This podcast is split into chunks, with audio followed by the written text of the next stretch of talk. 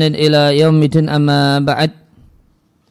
Kaum muslimin dan muslimah rahimani wa rahimakumullah kembali kita lanjutkan membaca dan mentelaah buku Taisir Al-Usul Sarah Salasatil Usul karya Syekh Abdul Muhsin Al-Qasim hafizallahu taala.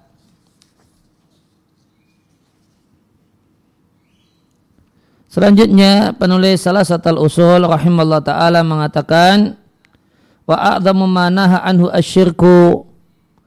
Dan, dan larangan yang paling besar adalah kemusyrikan. Wahwa dan kemusyrikan adalah dakwatu ghairihi ma'ahu. Berdoa kepada selain Allah ma'ahu di samping berdoa kepada Allah.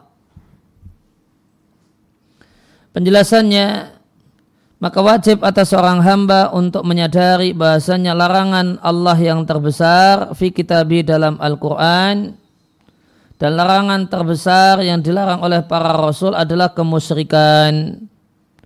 Wahwa dan kemusyrikan adalah sarfu syai'in min anwa'il ibadati memberikan salah satu bentuk ibadah li ghairillahi kepada selain Allah.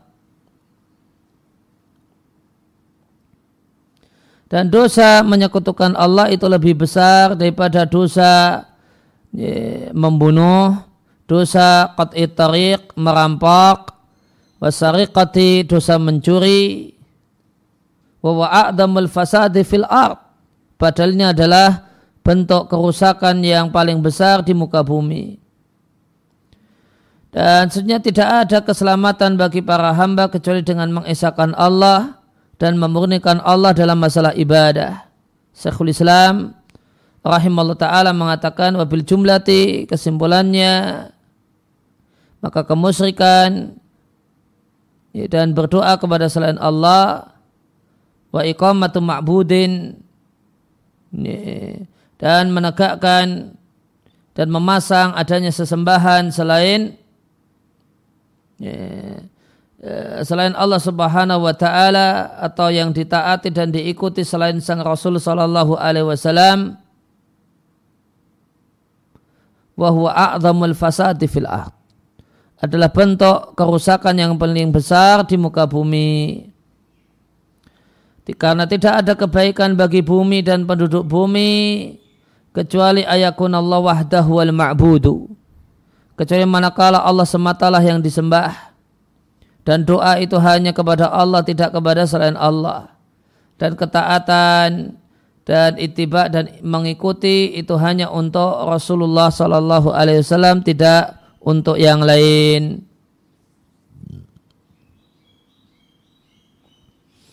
Dan kemusyrikan adalah a'zamu dzambin, dosa paling besar yang dengannya Allah diduhakai.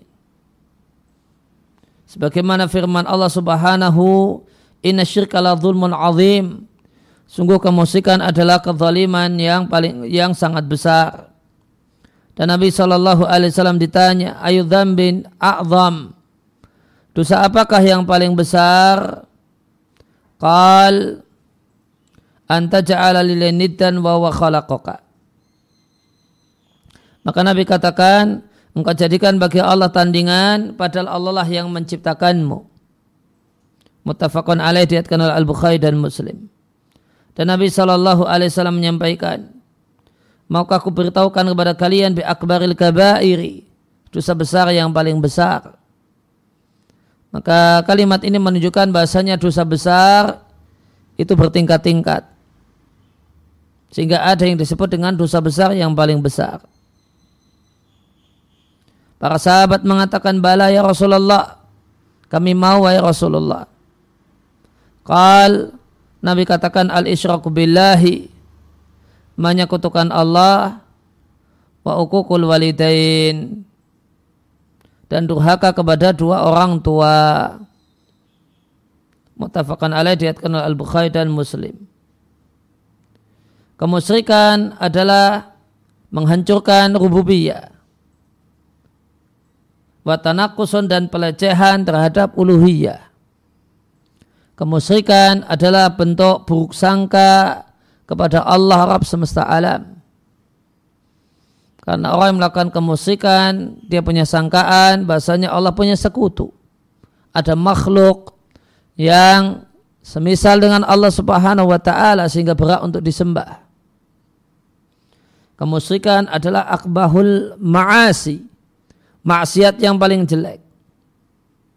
Karena kemusyrikan adalah menyemakan makhluk yang tidak sempurna dengan sang pencipta yang sempurna dalam sifat-sifatnya Jalla wa'ala. Dan orang yang menyekutukan Allah dalam dalam uluhiyah adalah orang musyrik meskipun dia mengakui tauhid rububiyah. Falau furida maka seandainya diandaikan ada seorang yang yukiru ikraran kamilan mengakui secara sempurna tauhid rububiyah. Namun setelah itu dia pergi menuju kubur lantas berdoa minta kepada sahibul qabri orang yang sudah meninggal dunia mintu nilai tanpa Allah. Atau kemudian bernadar untuk orang yang telah meninggal dunia kurban dan satu kurban ya takarrabu bihi ilaihi. Yang maksudnya adalah dia mendekatkan diri kepada penghuni kubur maka orang ini telah terjatuh dalam syirik akbar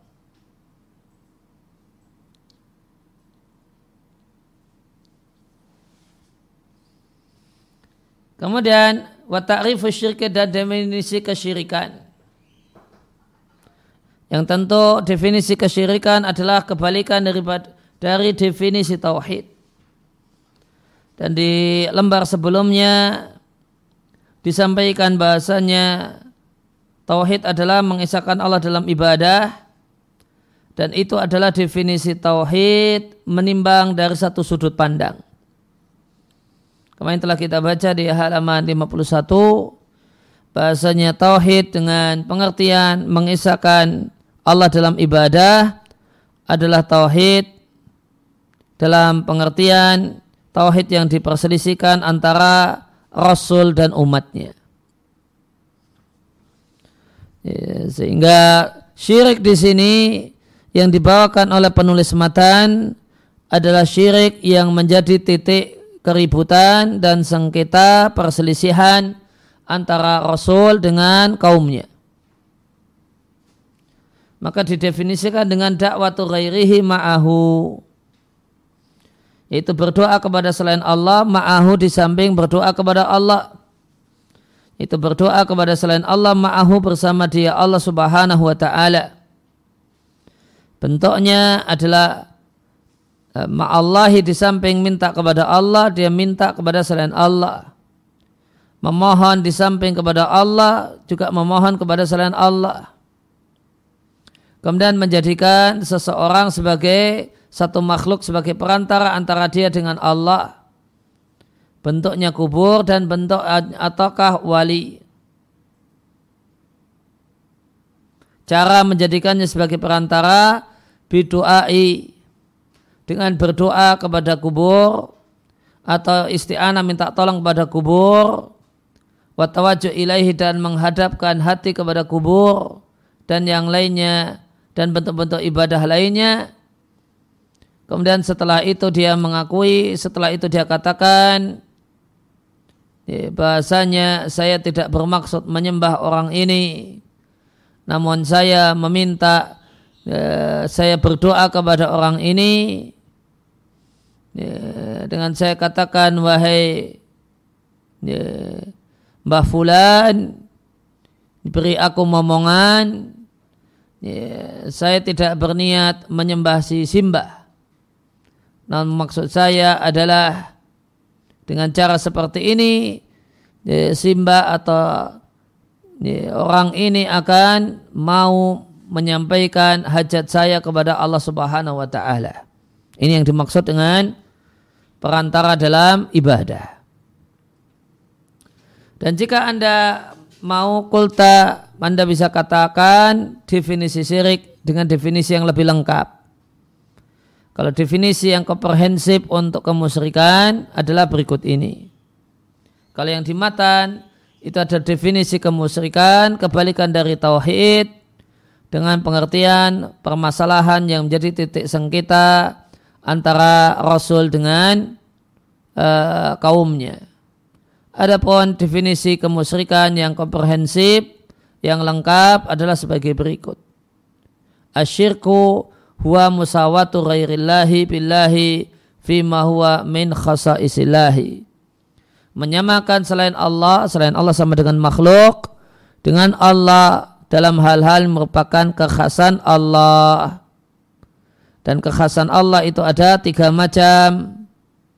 Kekhasan Allah dalam rububiyah, kekhasan Allah dalam uluhiyah, dalam ibadah, dan kekhasan Allah, hak, khas, hak khusus Allah dalam nama dan sifat Allah.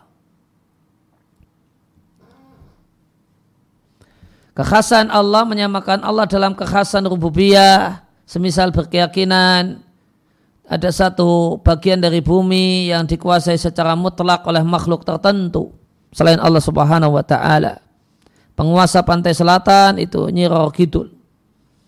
Ya, penguasa Gunung Merapi itu Mbah Petro. Ya, jin namanya Mbah Petro. Ya. Maka ini kemusyrikan dalam rububiyah. Ya, kemudian yang kedua, kemusyrikan dalam hak khusus Allah uluhiyah atau ibadah. Contohnya tadi, ya, ada orang yang berdoa kepada orang yang sudah meninggal dunia, orang yang sudah mati, dengan dia katakan, wahai fulan, wahai simbah fulan, beri aku momongan. Namun ketika ditegur orang ini mengatakan, meskipun saya mengucapkan demikian, saya tidaklah menjadikan saya tidak meyakini simbah ini bisa ngasih momongan. Namun demikianlah caranya supaya simbah ini mau uh, berkenan untuk menyampaikan hajat saya kepada Allah. Maka ini ini syirik dalam uluhiyah tanpa rububiyah. Dan itulah kemusyrikan orang Arab jahiliyah terdahulu. Kemudian kemusyrikan dalam hak khusus Allah nama dan sifat. Di antara sifat khas Allah mengetahui masa depan. Maka siapa yang percaya ramalan peramal maka dia musyrik. Menyekutukan Allah. Dia samakan makhluk tersebut yaitu dukun dengan Allah Subhanahu wa taala dalam hak khusus Allah yaitu tahu masa depan.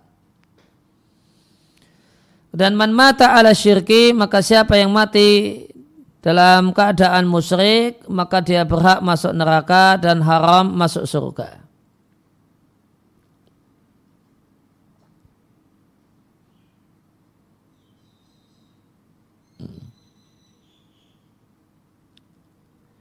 Sebagaimana firman Allah Jalla wa'ala melalui lisan Nabi Isa alaihissalatu Sesungguhnya barang siapa yang menyekutukan Allah, Allah haramkan surga untuknya, tempat kembalinya adalah neraka, dan tidak ada penolong bagi orang-orang yang zalim. Orang yang zalim dalam ayat ini maknanya orang musyrik. Ini penolong dalam artian yang menyelamatkan dari azab. Uh, berkenaan dengan kalimat ini yang uh, agak kurang nyaman di kalimat ini adalah kata-kata istahakka. Nih semestinya lebih ini tegas. Ya, maka dakhalan nara hakada wa haruma alaihil jannah ya, karena kata-kata ishaq berhak itu mengandung kesan bisa jadi iya bisa jadi tidak. Sehingga sebagian ulama usul fikih uh, mengusulkan untuk definisi wajib atau definisi haram.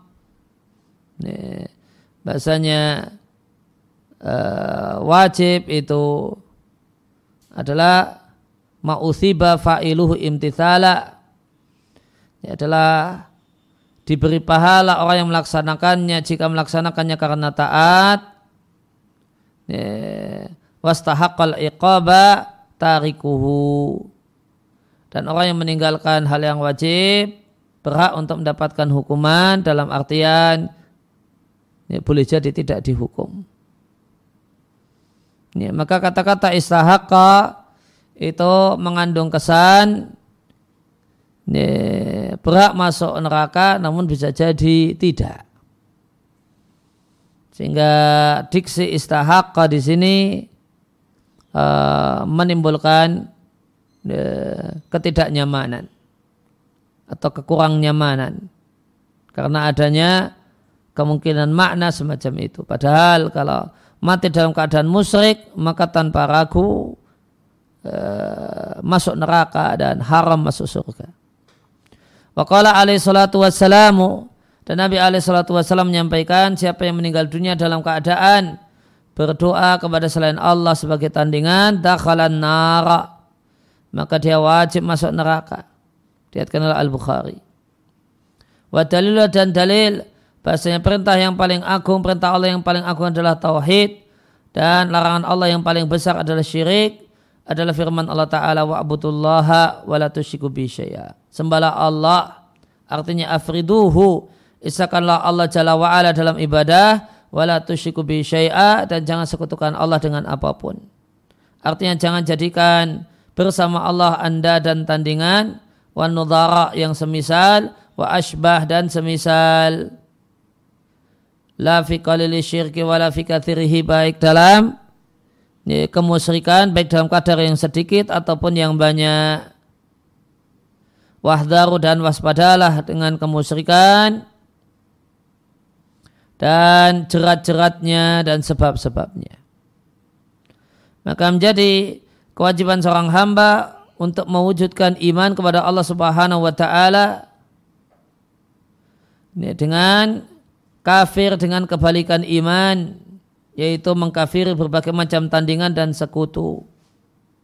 Dan perlu diketahui bahasanya perintah pertama yang Allah perintahkan pada para hamba ini, adalah perintah untuk beribadah kepada Allah dan mengisahkannya. Wa awalun nahyin dan larangan pertama adalah kebalikan dari tauhid. Thumma aqoba kemudian Allah susulkan, Allah lanjutkan bibaqiyatil wajibat dengan kewajiban-kewajiban yang lain. Setelah wa'budullah wa la tusyriku bi syai'a, barulah kemudian wabil walidaini ihsana wa bidil qurba wal yatama wal masakini wal jari dzil qurba wal junubi wa sahibi bil jambi wa banis sabili wa ma malakat aymanukum. Ya. Demikian di surat Al-Isra ayat yang ke-36 dan uh, sebelumnya kita pernah mengkaji secara khusus ayat ini tafsir surat An-Nisa ayat yang ke-36. Sembahlah Allah jangan sekutukan Allah dengan sesuatu apa pun. Berbuat baiklah kepada dua orang tua. Berbuat baiklah kepada kerabat, anak yatim, orang miskin, tetangga yang dekat, tetangga yang jauh. Sahibi bil jambi, salah satu maknanya istri. Berbuat baiklah kepada istri. Berbuat baiklah kepada musafir yang kehabisan bekal. Dan berbuat baiklah kepada budak atau hewan ternak atau hewan peliharaanmu. Maka dibukalah ayat dengan tauhid dan larangan syirik menunjukkan betapa agungnya tauhid dan betapa jeleknya kemusyrikan.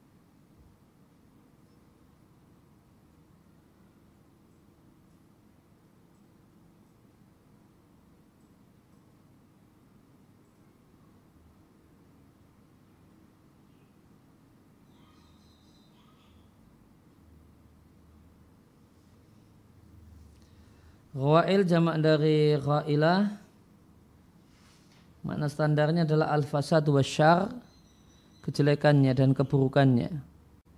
Jadi wahdharu syirka wa ghawailahu asbabahu. Maka waspadailah kemusyrikan, kejelekannya dan sebab-sebabnya. Ya, kemudian uh, dengan uh, di sini selesai risalah yang ketiga. Kemudian kita akan masuk pada uh, salah satu usul yang sesungguhnya. Karena sebagaimana di mukaddimah disampaikan bahasanya salah satu usul itu diberi mukaddimah berupa tiga risalah. Risalah yang pertama adalah kewajiban uh, arba masail, empat kewajiban, empat hal yang jadi kewajiban, kemudian salah masail, kemudian yang ketiga adalah bayanu tauhid wa atau milah Ibrahim uh, dan Hanifiyah, kemudian tentang tauhid dan kebalikannya. Dan di halaman 54 kita masuk pada uh, pembahasan pokok kita yaitu salah satu usul. Catatan kaki. Hadi bidayatu risalati thalathatil usuli. Ini adalah bidayah awal risalah thalathatil usul. Sedangkan masa baqaha sebelumnya adalah Rasail Mutafariqah. Adalah buku-buku tipis yang berserakan. Karya Syekh Muhammad bin Abdul Wahab rahimallahu taala yang diletakkan oleh salah satu muridnya sebelum ini kitab salah satu usul kata kedima sebagai seakan-akan sebagai mukaddimah laha bagi salah satu usul. Kama hadas dan bidalika demikian yang diceritakan kepadaku oleh al-walid yaitu Syekh Muhammad ya, oleh ayahku yaitu Syekh Muhammad Ibn Qasim Syekh Muhammad Al-Qasim ya, dan juga disampaikan juga oleh uh, Syekh Saleh Ibn Ghusun. Maka penulis Taisir Usul ini Abdul Muhsin bin Muhammad bin Abdurrahman Ibn Qasim. Maka ayahnya, walidnya berarti adalah Muhammad bin Abdurrahman Ibn Qasim. Dan perlu diketahui bahasanya Abdurrahman bin Qasim itu adalah seorang ulama yang berjasa mengumpulkan majmu' fatawa Syekhul Islam Ibnu Taimiyah rahimallahu taala. Ya, maka uh, Abdul Muhsin ini cucu dari pengumpul uh, majmu' fatawa.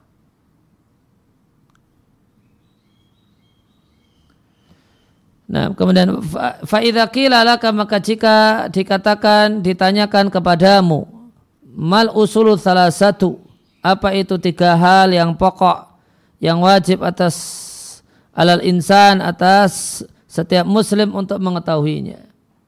Atau setiap orang untuk mengetahuinya. Fakul maka jawablah. Ma'rifatul abdi rabbahu wa dinahu wa nabiyahu Muhammadan sallallahu alaihi wasallam. Mengenal Rabbnya, mengenal agama dan mengenal sang Nabi Muhammad sallallahu alaihi wasallam. Maka wajib atas setiap mukallaf baik laki-laki ataupun perempuan ayat untuk mengenal salah satu usulin azimatin tiga hal yang mendasar yang sangat penting. Itulah tiga hal yang akan ditanyakan kepada seorang hamba di alam kuburnya. Fa in thabata ala su'ali sabata ala soal artinya bisa menjawab pertanyaan. Ini terjemah bebasnya bisa menjawab pertanyaan. Kalau terjemah letalaknya jika kokoh ini, tetap dengan pertanyaan nah itu tidak enak. Namun sabata ala soali jika bisa menjawab pertanyaan karena minan najina maka dia termasuk orang yang selamat. Wa indolla namun jika tersesat dari jawaban yang benar tentang tiga hal tersebut karena minal halikin maka dia termasuk orang yang binasa. Maka jika ditanyakan eh, anha tentang tiga hal tersebut. Dengan dikatakan kepada anda mahia apa itu? Al usul as yang wajib atas setiap orang yang mukalaf untuk mengetahuinya kemudian mengamalkan isinya. Mengamalkan konsekuensinya. Maka katakanlah kepada kepadanya al aslu al awal poin yang pertama adalah ma'rifatul abdi rabbahu. Adalah mengenal Tuhannya dan ini adalah aslul usuli pondasinya pondasi supaya seorang itu supaya uh, menyembah Allah ala basiratin dengan ilmu dan yakin maka anda mengenali Allah subhanahu wa ta'ala caranya dengan sifat yang Allah tetapkan untuk dirinya dalam kitabnya dan melalui lisan rasulnya sallallahu alaihi wasallam tentang keesaannya, perbuatannya, nama dan sifatnya. Kemudian sampaikan kepada si penanya al-aslu athani Pokok yang kedua adalah ma'rifatul abdi dinahu mengenal agama yang Allah Subhanahu wa taala memerintahkan kita untuk beribadah kepadanya bihi dengan agama ini. Dan agama adalah melakukan apa yang Allah wajibkan atas kita untuk melakukannya dan menjauhi hal yang Allah wajibkan atas kita untuk meninggalkannya.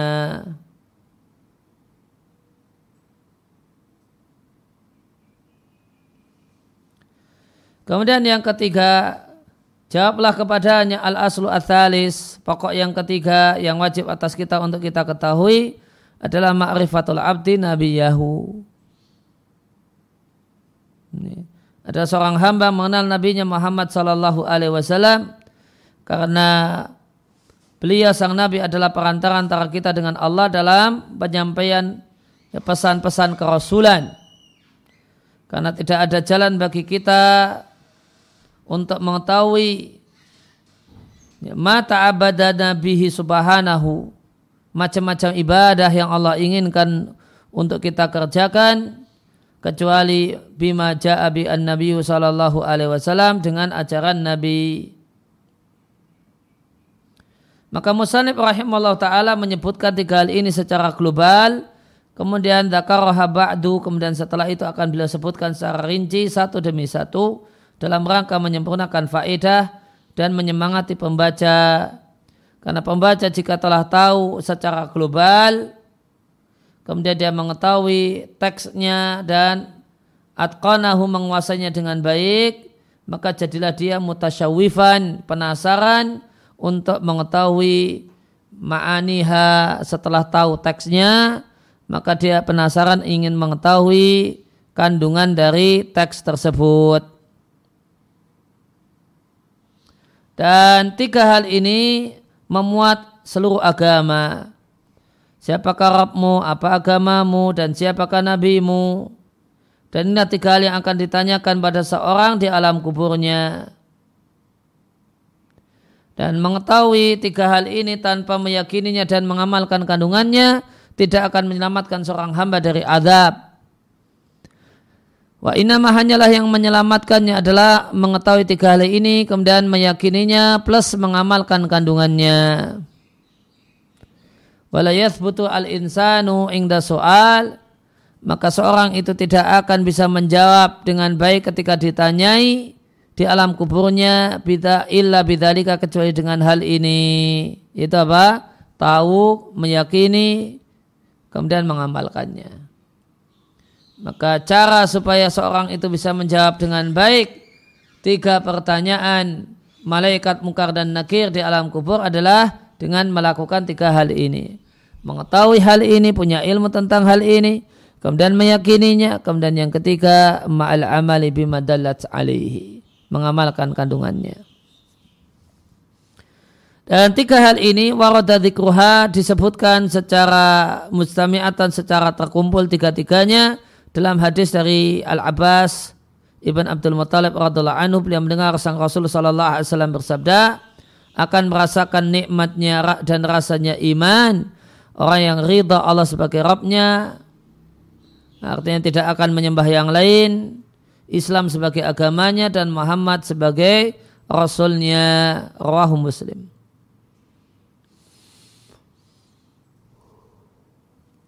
Dan siapa yang ridha dengan tiga hal ini kemudian mengatakannya dengan berdasarkan yakin setelah ucapan muadzin asyhadu anna Muhammad Rasulullah maka akan diampuni dosa-dosanya yang lewat.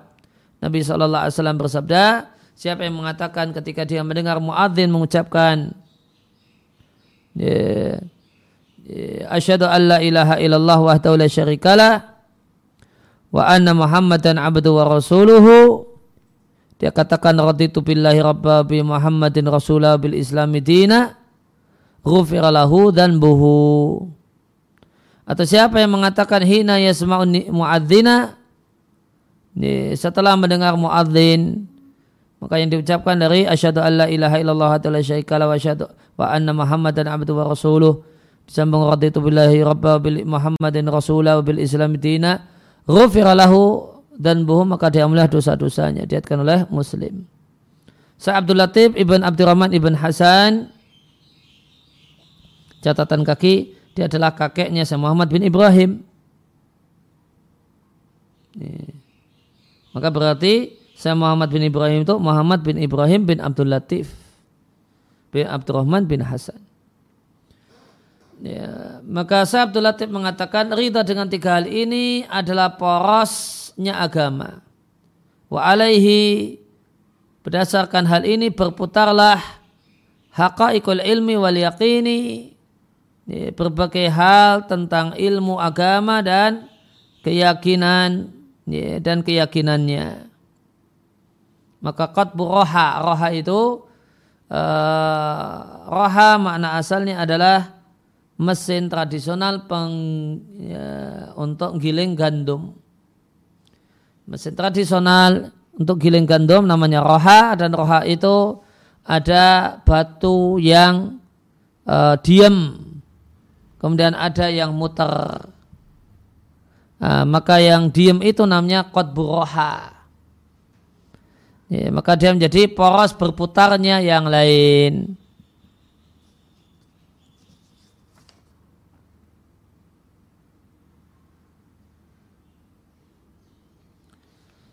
Ya, kemudian di uh, qala al-musannif rahimallahu taala fa idza maka jika ditanyakan kepadamu man rabbuka siapakah rabbmu maka jawablah rabbku adalah Allah dia adalah zat yang rabbani memeliharaku dan memelihara semesta alam dengan nikmat-nikmatnya. Dia adalah ma'budi sesembahanku dan aku tidaklah memiliki sesembahan siwahu selain dia.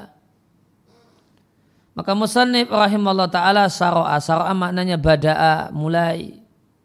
Merinci tiga hal ini satu demi satu. Diawali dengan al-asli al-awal. Ini poin yang pertama yaitu mengenal Rabb, mengenal Tuhan, Faqala laka maka musannif berkata kepada anda. Ida su'ilta jika ada anda ditanya. Dengan dikatakan kepada anda man rabbuka. Maka Rabb di sini artinya sesembahan. Man ma'buduka. Siapakah sesembahanmu dan zat yang menciptakanmu dan berikan rezeki kepadamu yang engkau tidak punya sesembahan siwahu selain dia. Maka katakanlah Rabbi. Rabb di sini artinya ma'budi. Sesembahanku adalah Allah Aku tidaklah menyembah kecuali kepadanya dan aku tidak akan palingkan satupun bentuk ibadah kepada selain Allah. Aku tidak akan rukuk, tidak akan menyembelih hewan, tidak akan bernadar, tidak akan tawaf illa lillah kecuali untuk Allah. Dan bagaimanakah mungkin aku kafir dengannya kemudian menyembah selainnya?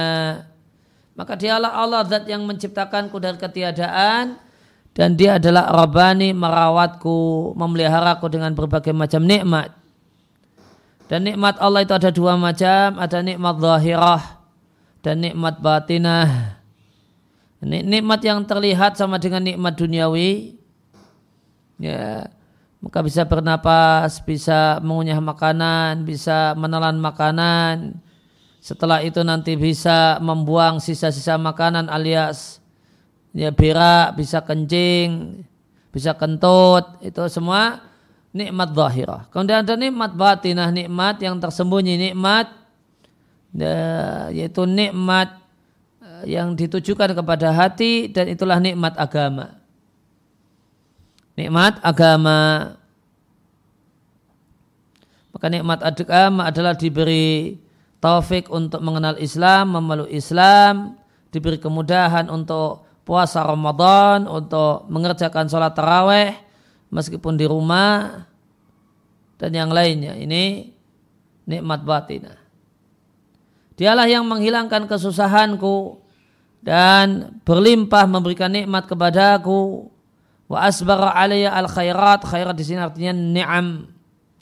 Dan memberikan kepadaku, mencurahkan kepadaku al khairat berbagai macam nikmat.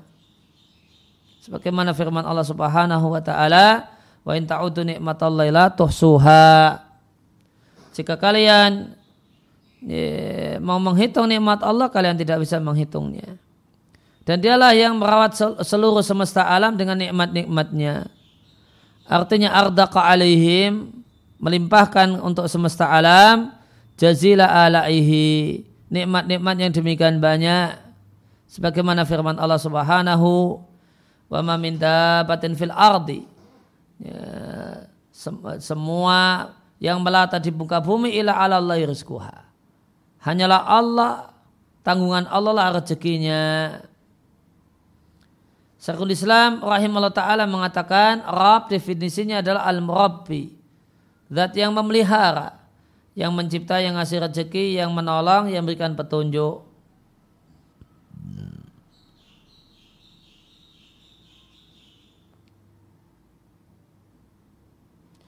Wahadal ismu dan nama ini yaitu Rab ahaku bismisti'anati wal mas'alati adalah nama yang paling berhak untuk menjadi tempat minta tolong dan permohonan.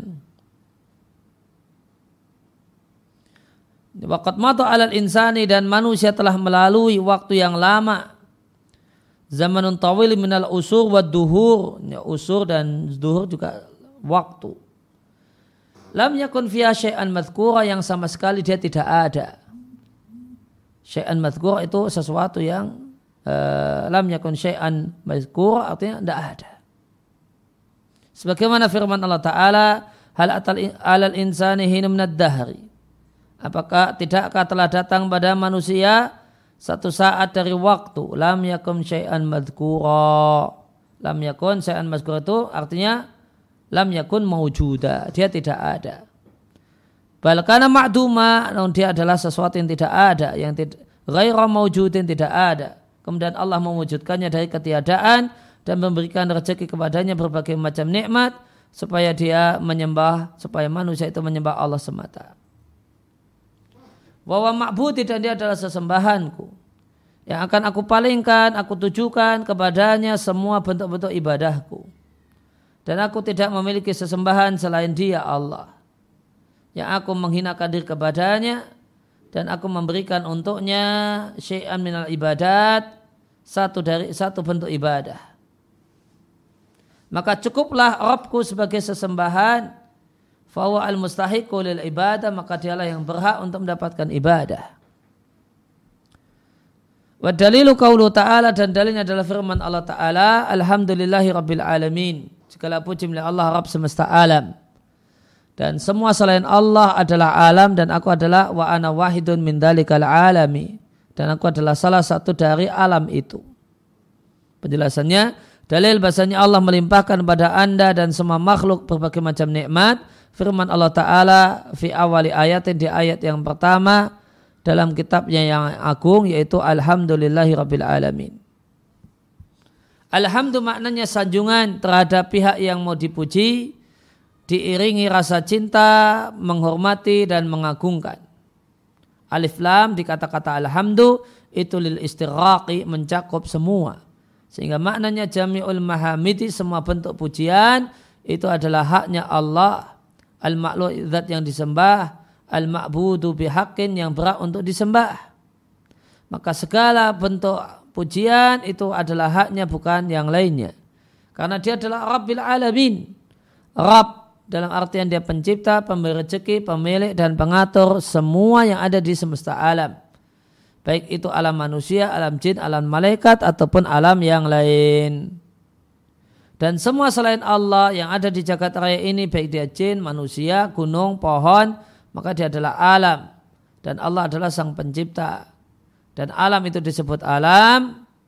Dari kata-kata alamun artinya tanda. Li'annahu alamatun karena dia adalah tanda adanya sang pencipta wa mujid wa ala wa mujidi yang menciptakan wa maliki dan yang memiliki jagat raya. Wa ana wa anta saya dan anda dan semua makhluk adalah salah satu dari alam tersebut. Dan eh, salah satu dari makhluk-makhluk yang besar itu. Semua kita membutuhkan Allah untuk terwujudnya hajat-hajat kita dan menghilangkan kesusahan kita. Fawa maka Allah adalah al-mutafarid satu-satunya yang mencipta, yang memberi rezeki dan mengatur.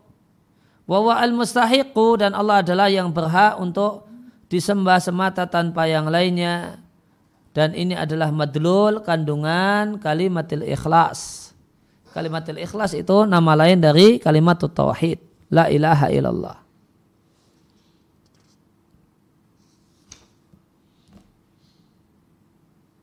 Ya, maka di sini kita jumpai bahasa Arab itu bisa maknanya ma'bud. Sehingga man rabbuka artinya man man rabbuka iman eh, ma'buduka. Sehingga Rabbi artinya adalah ma'budi. Uh, lebih jelasnya kita, uh, saya ingin bacakan dari salah satu usul karya Sasola al-Syekh.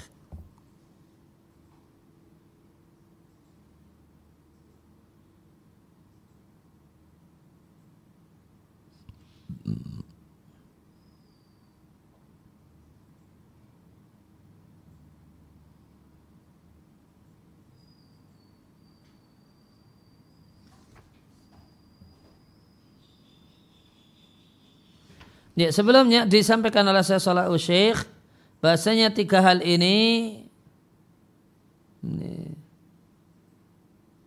adalah masailul kubri. Bahan pertanyaan di alam kubur. Famangkana aliman bima fi risalah maka siapa yang mengilmui kandungan buku ini yang menjelaskan tentang tiga hal tersebut maka sangat layak untuk menjadi orang yang bata ingda su'ali. Diberi keteguhan ketika ditanyai. Karena li'anna hakurinat bi adillatiha karena tiga hal ini di buku ini disampaikan digandengkan dengan dalilnya. Dan terdapat dalam hadis yang sahih Bahasa di antara orang yang ditanya di alam kubur ada yang mengatakan haha aku tidak tahu aku mendengar manusia mengucapkan sesuatu lantas aku ikut-ikutan mengatakannya. Beliau katakan kata saya lalu Syekh Istadalal ulama'u biqauli hadal maftuni fi qabrihi Ulama berdalil dengan perkataan orang yang ditanyai diwawancari di alam kubur yang mengatakan sami'tun nasa yaquluna syai'an fakultuhu Ya, ulama berdalil ala anna taklida la yasluhu fi jawabi hadil masail talasi. Bahasanya taklid itu tidak boleh untuk menjawab tiga pertanyaan ini. Jawaban tentang siapakah Rabbmu yang maknanya siapakah sesembahanmu, jawaban apa agamamu dan jawaban siapakah nabimu. Oleh karena itu maka Syekh Al-Imam rahimahullah ta'ala menyebutkan ya, ba'da mas'alah dan setiap permasalahan Beliau sebutkan dalilnya dari Al-Quran.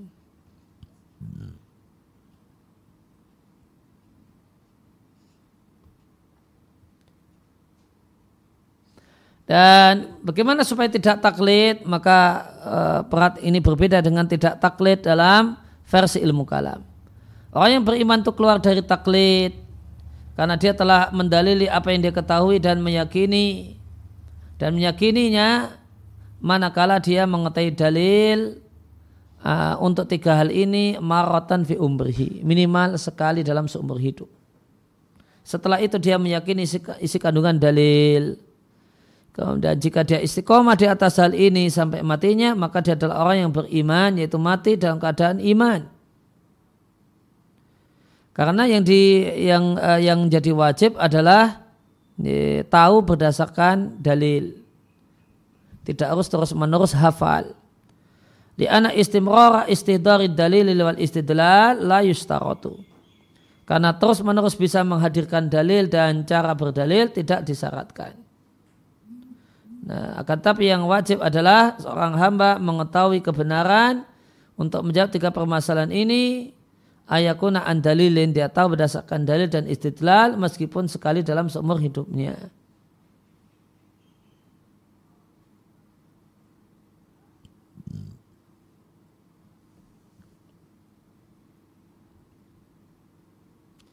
Nah kemudian uh, penjelasan tentang apa makna uh, Rabbuka atau ma'rifatul abdi Rabbahu. Maka kata sesolah alu syekh ma'rifatul abdi Rabbahu artinya ma'rifatul abdi ma'budahu. Seorang hamba mengenal sesembahannya. Karena rububiyah itu terkadang maknanya adalah uluhiyah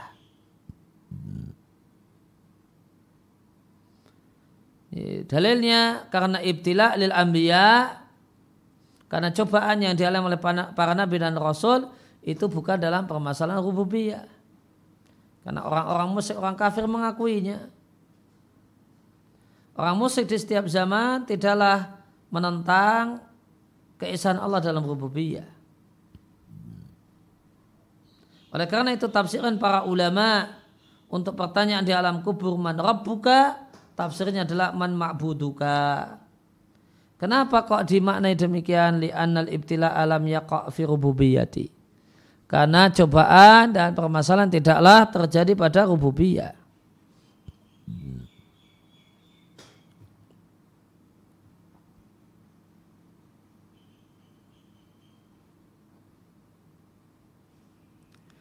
Ya, di antara perkataan saya Muhammad bin Abdul Wahab, beliau mengatakan ketika ditanya apa beda rububiyah dan uluhiyah. Maka jawaban beliau hadi mas'alatun azimah. Ini masalah yang besar. Wadhalika anna rububiyata idha utliqat atau idha ufridat fa innahu yadkhulu fiha al-uluhiyah. Perlu diketahui bahasanya rububiyah atau Rab jika mutlak artinya sendirian termasuk di dalamnya uluhiyah.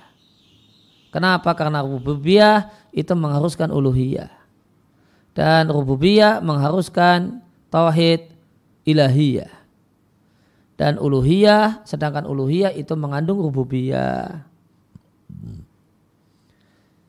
E, kemudian saya Muhammad juga mengatakan innahuma dua kata ini Rob dan ilah itu di antara minal kalimat di antara kata yang jika berpisah jika kumpul berpisah maknanya dan jika berpisah berkumpul maknanya. Maka ilah dan Rob itu semakna dengan sejenis iman dan Islam, sejenis dengan fakir dan miskin.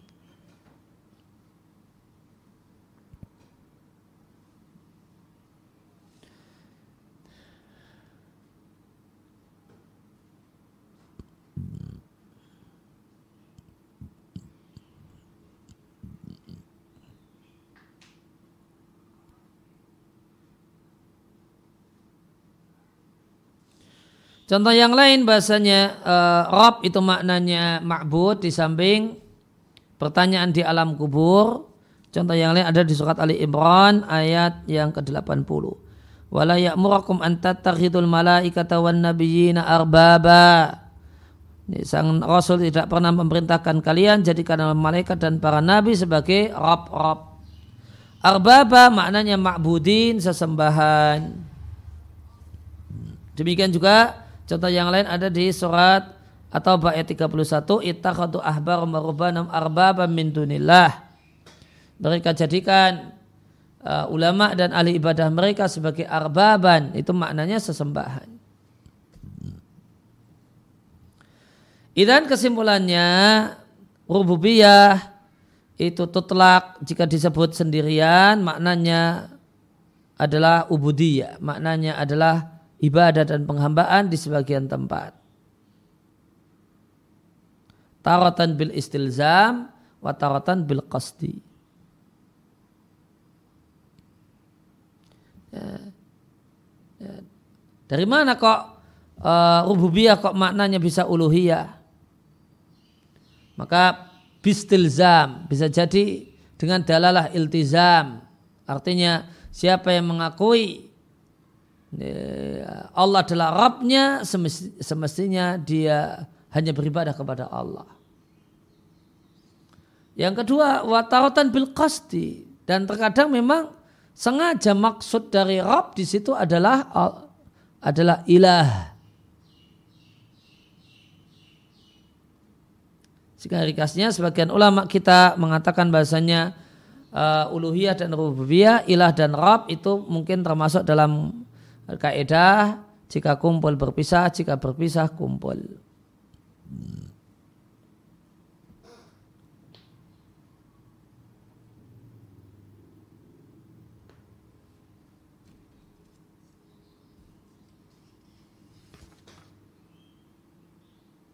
Nah kemudian uh, pembahasan yang menarik yang di, disampaikan oleh Sasalah al di sarahnya adalah kenapa diksinya adalah ma'rifatul abdi rabbahu. Kenapa tidak ilmu? Ilmu abdi rabbahu.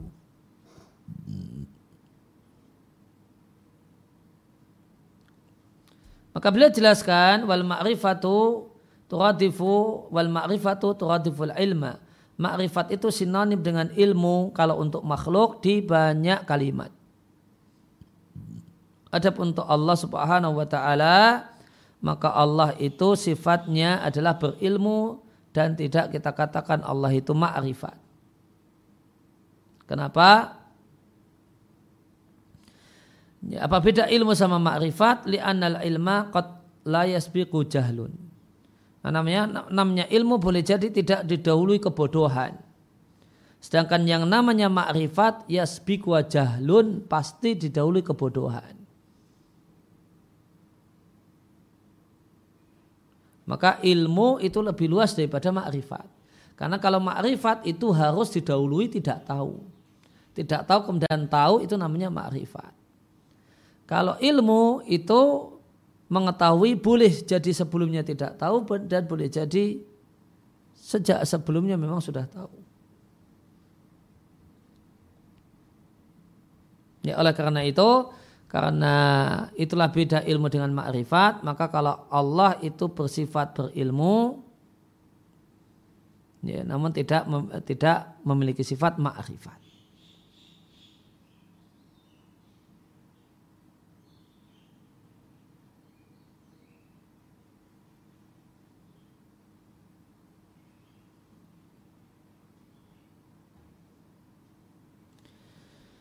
Kemudian wayukalu uh, aidan itu tadi penjelasan yang pertama. Jadi kalau untuk penjelasan yang pertama mengatakan kalau untuk makhluk sering-seringnya makrifat sama dengan ilmu. Yang dimaksud makrifat adalah ilmu. Sedangkan untuk Allah maka Allah itu sifatnya adalah berilmu tidak makrifat. Kenapa? Karena makrifat itu ilmu yang didahului tidak tahu.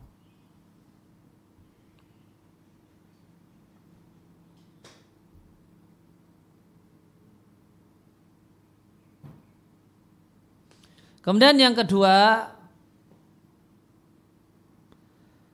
Inna takbira bil ilmi aujahun ya, ungkapan dengan diksi ilmu itu yang lebih pas di sebagian kalimat dibandingkan diksi dengan makrifat. Maka di di sebagian kalimat diksi ilmu lebih tepat daripada diksi makrifat. Karena perlu diketahui bahasanya makrifat aktsara ma ja'at fil Quran ja'at madmumatan. Mayoritas ayat yang menyebutkan makrifat di Al-Quran itu konteksnya celaan. Karena setelah makrifat diikuti dengan pengingkaran. Sedangkan kalau di Al-Quran kata-kata ilmu semuanya positif. Kata-kata makrifat itu perbedaan ilmu dan makrifat yang kedua. Ini. Tadi perbedaan ilmu dan makrifat pertama tadi sudah disebutkan. Kalau makrifat itu harus didahului tidak tahu. Kalau ilmu lebih luas. Boleh jadi didahului tidak tahu dan boleh jadi tidak demikian. Perbedaan yang kedua, kata-kata makrifat dan ilmu di Al-Quran. Kalau di Al-Quran kata-kata ilmu itu konteksnya positif. Kalau kata-kata makrifat mayoritasnya dalam konteks negatif. Contoh, makrifat yang negatif Al-An'am ayat 20. Alladzina atainahumul kitaba ya'rifunahu kama ya'rifuna abna'ahum. Ya, ahlul kitab itu ya'rifu itu makrifat dengan Nabi sebagaimana mereka makrifat dengan anaknya.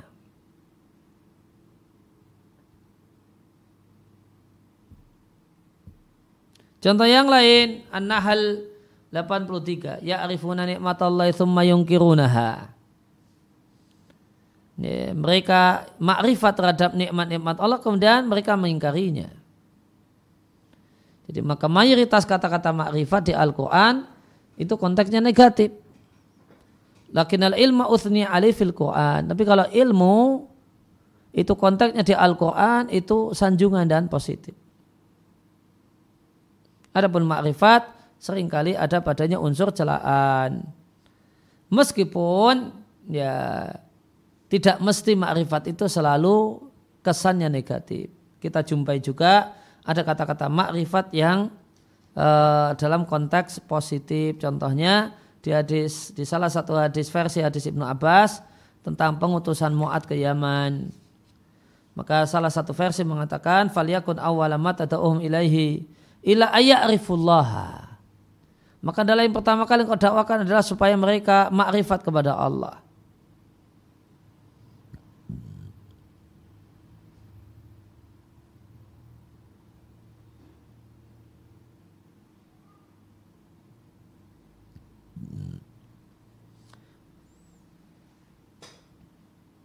Maka kalau kata-kata makrifat di hadis ini, hadis pengutusan Nabi, eh, Nabi mengutus Mu'ad ke Yaman, makrifat di sini artinya ilmu, ilmu tentang tauhid. Sebagian dalam riwayat-riwayat yang lain,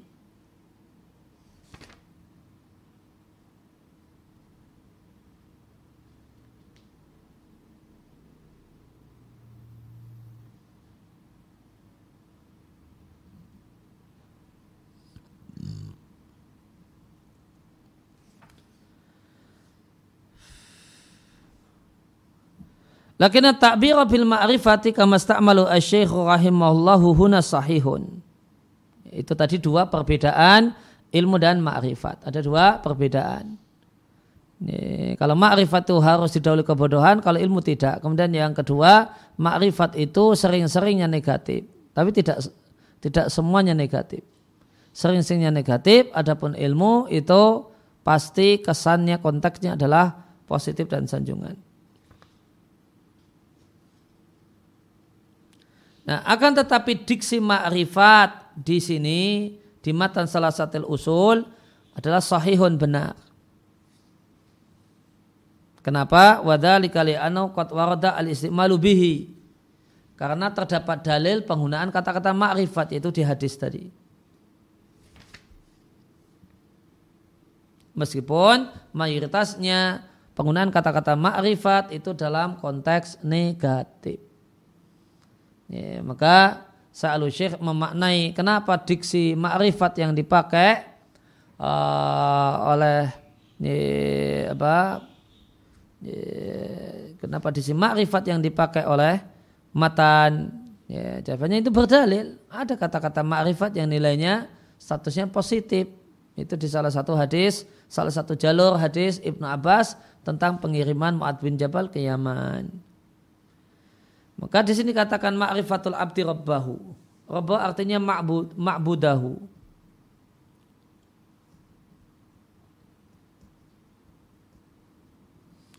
Maka faidah kila laka man rabbuka faqarabi Allah alladhi rabbani wa rabba jamil alamin bi ni'amihi. Maka Rabb uh, maka Rabb adalah Allah, dia adalah zat yang Rabbani wa Rabba al alamin memeliharaku dan semesta alam. Maka rububiyah itu diambil dari kata-kata tarbiyah. Rabbahu tarbiyatan. Dan makna asli tarbiyah adalah tadrijul murabba. Secara bertahap membawa yang dipelihara. Fi idil kamal untuk meniti tangga-tangga kesempurnaan. Dan sempurna untuk masing-masing makhluk itu ya beda-beda. Dan bentuk tarbiyah yang paling agung yang Allah berikan pada manusia adalah dengan mengutus para rasul yang mengajari manusia dan membimbing manusia untuk mengetahui hal-hal yang mendekatkan mereka pada Allah Jalla wa'ala. Dan ini adalah nikmat Allah yang paling agung.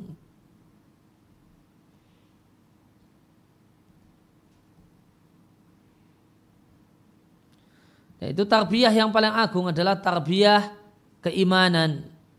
Dan ada bentuk tarbiyah yang lain, tarbiyah fisik, tarbiyah insting, tarbiyah pemikiran, tarbiyah akal. Dan semuanya ini telah Allah berikan kepada manusia.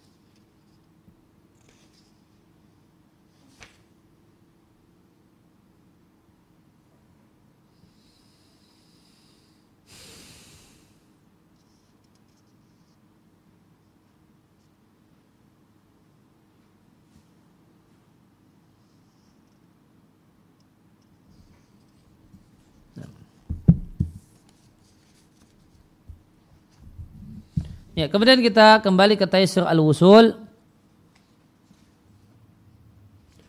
Kalau musannif rahimallahu taala Faidah kilalaka jika ditanyakan pada anda dengan cara apa engkau mengenal Rabbmu maka jawablah dengan ayat dan makhluknya. Di antara ayat Allah adalah malam dan siang, matahari dan rembulan. Dan di antara makhluk Allah adalah langit yang tujuh, bumi yang tujuh, wa mafihinna dan apa yang ada di padanya dan apa yang ada di antara keduanya.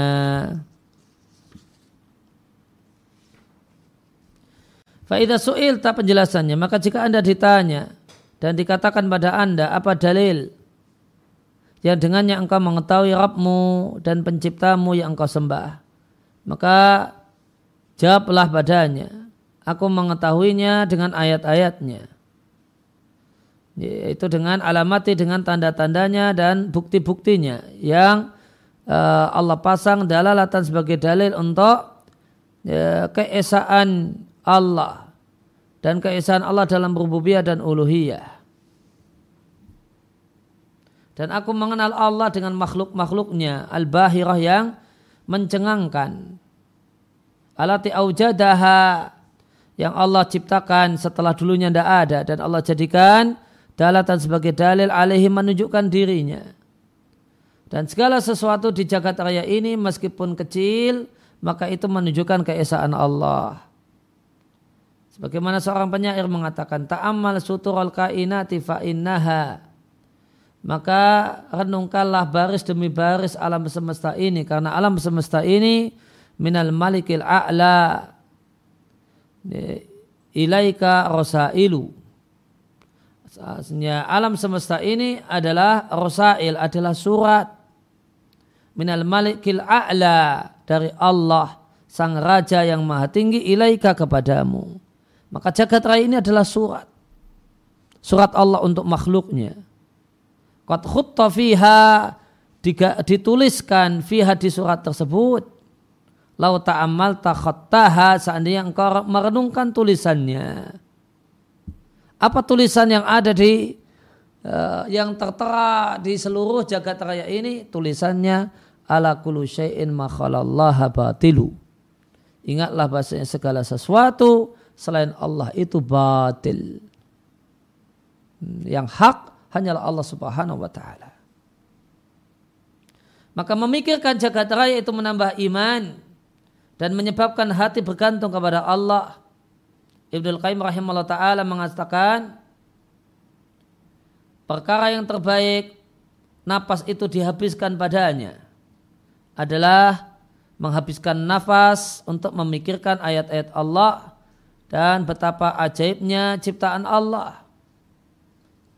Wal intikal minha kemudian berpindah minha dari memikirkan makhluk berpindah menggantungkan hati wal himmah dan tekad bihi kepada Allah.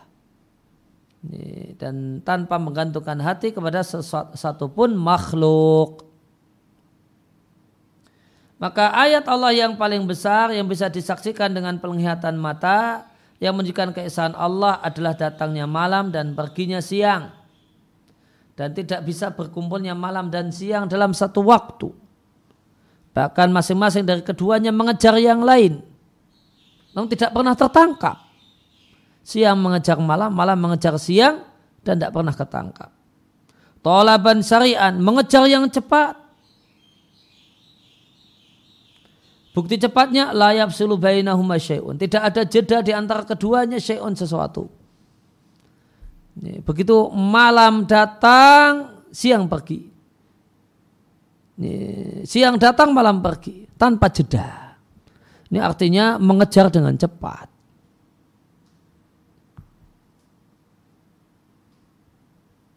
Maka ini datang dan itu pergi. Dan keduanya ya ta'akobani silih berganti. Alaina pada kita. Taskhiran lana. Allah tundukkan untuk kita. Dan di antara ayat tentang keesaan Allah yang mencengangkan yang, menundukkan keesaan Allah dan Allah adalah sang pengatur adalah matahari al musriqah yang yang terang uh, al musriqah yang bersinar dan dia adalah lentera jagat raya wal qamar al mudi yang terang fidahma dalam kegelapan. Yaitu kegelapan malam.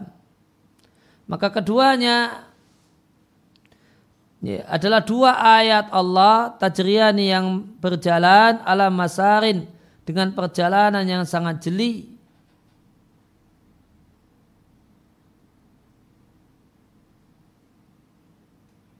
Baharal khalqa yang mencengangkan makhluk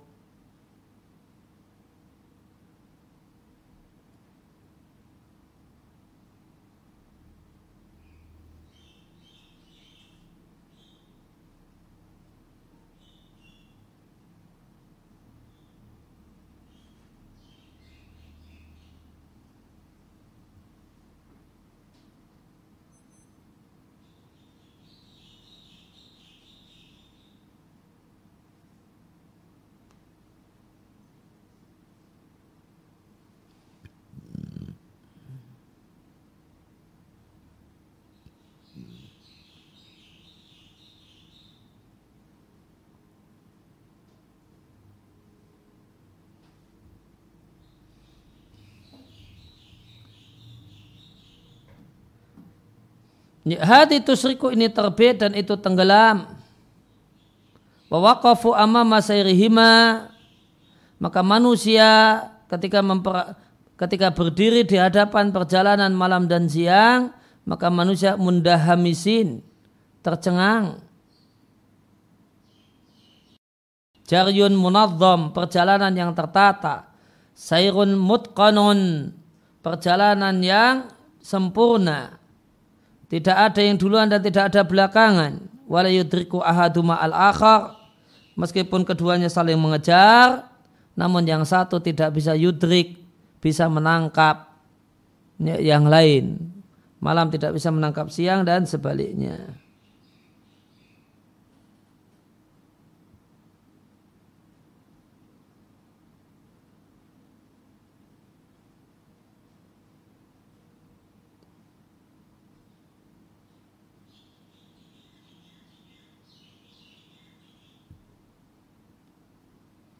Kalau Allah Ta'ala, Allah Ta'ala berfirman, La samsu yang barilah antudrikal kamara, matahari tidaklah sepatutnya bisa mengejar siang, eh, bisa mengejar rembulan, walalailu sabikun nahar, dan malam tidak bisa mendahului siang.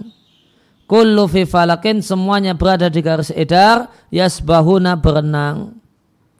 Walayataghayyar dan tidaklah berubah perjalanan salah satunya sampai ila ghairi ma Allah. Sampai kepada selain yang apa yang Allah takdirkan. Kata takdirul azizil alim. Inilah takdir dan ketentuan zat yang maha perkasa lagi zat yang maha mengetahui. Dan matahari meskipun demikian besar ukurannya jika tenggelam dia bersujud di bawah arsh. Abu Dhar radhiyallahu anhu mengatakan, aku bersama Nabi sallallahu alaihi wasallam di masjid ketika tenggelam matahari. Maka Nabi katakan, wahai Abu Dhar, di manakah matahari tenggelam? Aku katakan Allah dan Rasulnya lebih tahu. Kalau Nabi mengatakan matahari itu pergi bersujud di bawah arsh. Fadalika maka itulah firman Allah Ta'ala wasyamsu tajri li mustaqarrillaha dalika taqdirul azizil alim. Matahari itu berjalan li mustaqarrillaha menuju tempat ya, tetapnya. Ya, li mustaqarrillaha menuju tempat tetapnya itulah ketentuan zat yang maha perkasa lagi maha mengetahui diatkan oleh Al-Bukhari. Watas ta'dinu kemudian matahari minta izin kepada Allah untuk terbit di kali berikutnya. Abu Dhar mengatakan, Abu Dhar radhiallahu anhu mengatakan, aku masuk ke dalam masjid dan Rasulullah sallallahu alaihi wasallam duduk. Tatkala matahari tenggelam, Rasul katakan, wahai Abu Dhar, apakah engkau tahu ke manakah matahari itu pergi, aku katakan Allah dan Rasulnya lebih tahu. Maka Nabi katakan dia pergi minta izin fi sujudi dengan bersujud maka dia diizinkan. Maka anna haqat kilalah seakan-akan dikatakan pada matahari kembalilah di tempat engkau irji'i kembalilah min haitsu dari tempat engkau datang. Nah pada saat itulah matahari terbit dari tempat tenggelamnya diatkan oleh Al-Bukhari. Wafil akhirat dan matahari itu di akhirat tukawar akan digulung dan dikumpulkan. Ibnu Jari atau rahimahullah ta'ala mengatakan di tafsir firman Allah ta'ala Ida syamsu kuwirat Jika matahari digulung Artinya sebagiannya digabungkan dengan sebagian yang lain, thumma lufat kemudian dilipat, farumia biya kemudian dilemparkan. Fa'idha fu'ila bihadhalika maka jika hal itu dilakukan pada matahari, dhahaba dau'uha, hilanglah cahayanya. Dan di antara makhluk Allah yang besar adalah matahari yang tujuh. Yang dia demikian luas dan tinggi. Dan bumi yang tujuh yang, memban, yang memanjang. Terjemah bebasnya, yang membentang. Wasaati arja'iha dan demikian luas sisi-sisinya. Wa takdir dan Allah telah tentukan akwatiha makanan pokoknya.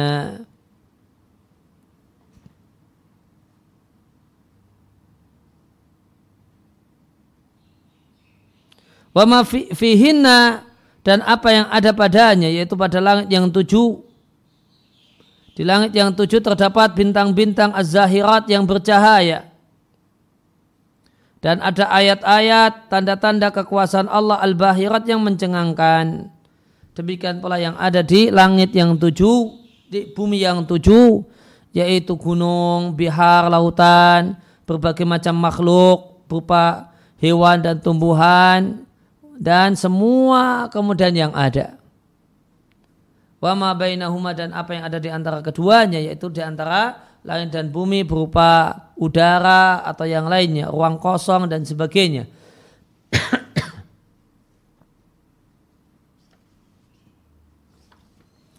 Wa bata dan apa yang nampak bagi mereka berupa perjalanan. Nih Perjalanannya, perjalanannya dari satu tempat ke tempat yang lain. Fijawi sama di tengah-tengah langit. Wa madharalam dan apa yang nampak bagi mereka berupa berbagai macam manfaat. Min naqli ma yatahaddasu nabihi wa fi baladin. Memindah apa yang mereka obrolkan sedangkan mereka di satu negeri dan yang lain di negeri yang lain. Maka maha suci Allah Rabb pemilik ars yang besar. Uh, ini uh, al-hawa uh, udara. Ya, maka apa yang ada di antara keduanya langit dan bumi adalah udara. Wa dan yang lainnya. Dan apa yang nampak lahum bagi manusia. Ya, min sayrihim uh, ini nampaknya perjalanan udara dari satu tempat ke tempat yang lain di tengah-tengah langit wa lahum dan apa yang nampak bagi mereka sejumlah manfaat yang nampak bagi mereka manusia berpindahnya apa yang diobrolkan lewat udara.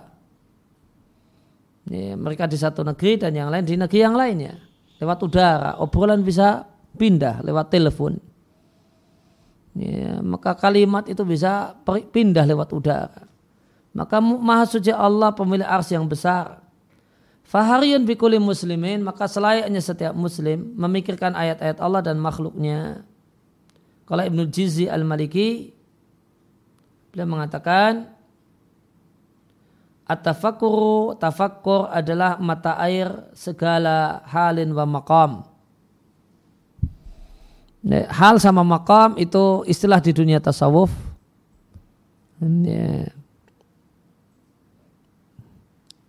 Dan hal itu adalah keadaan di makom tertentu. Maka misalnya makom taubah. Nanti di makom taubah itu terdapat sejumlah hal. Ketika orang itu berada dalam makom taubat, terminal taubat, maka di terminal taubat itu terdapat sejumlah fasilitas. Nah itulah, nah, itulah hal. Nah, hal jangan diterjemahkan keadaan. Ini, uh, ini keadaan di sini keadaan hati. Ini, orangnya orangnya dalam kondisi bertobat. Maka ketika orang itu dalam kondisi bertobat, maka hal yang ada pada dirinya, fasilitas terminal tobat itu ada menyesal, ada ya, menangis karena takut kepada, menangis karena menangisi dosa, ya, terisak-isak, ya, Ya, di hadapan Allah Subhanahu wa taala itu hal. Maka hal dan makam itu terjemah bebasnya adalah uh, adalah sifat-sifat hati yang mulia. Maka tafakur adalah yambo mata air untuk munculnya kuli halin wa makam. Semua sifat-sifat hati yang luhur. Itu semuanya berangkat mata airnya adalah tafakur. Dari tafakur orang kemudian nanti ya, punya makam tobat. Dari tafakur orang kemudian punya makam cinta Allah. Dari tafakur orang kemudian sampai pada makam uh, yang lainnya. Kemudian ada dari tafakur maka nanti ada zikir. Dari tafakur maka ada uh, menyesal dan seterusnya. Faman tafakkar maka siapa memikirkan ke keagungan Allah iktasaba at-ta'zim. Maka dia menghasilkan ta'zim penghormatan kepada Allah. Ini detailnya berarti. Rinciannya. Tadi kaedahnya.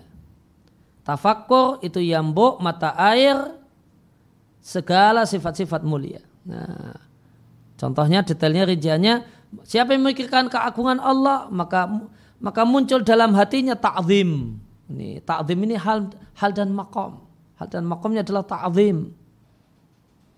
Penghormatan dan pemulihan kepada Allah. Siapa yang memikirkan betapa maha kuasanya Allah, maka dia mendapatkan faedah hatinya tawakal.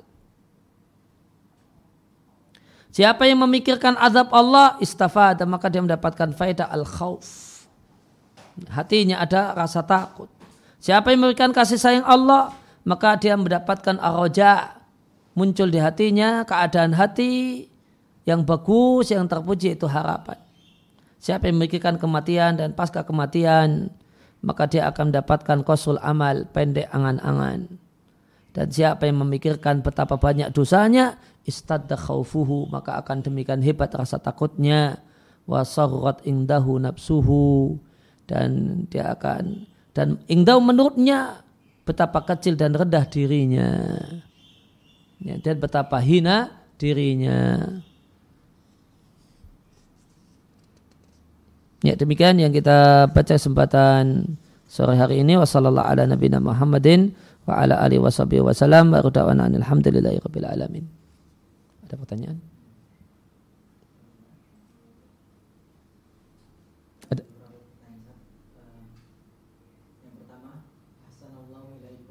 Amin.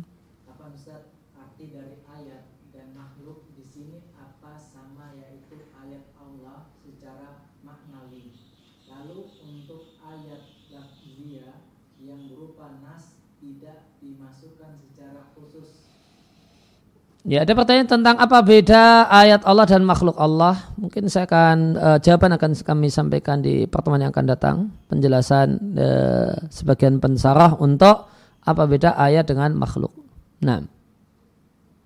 Kemudian yang kedua, Assalamualaikum Ustaz. Waalaikumsalam warahmatullahi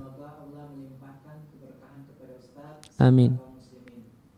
Apakah benar surga, neraka, ars adalah makhluk tapi tidak disebut alam?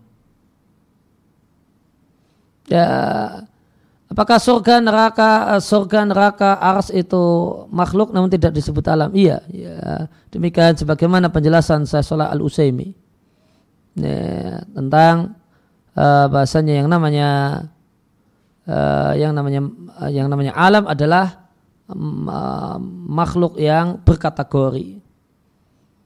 Nah.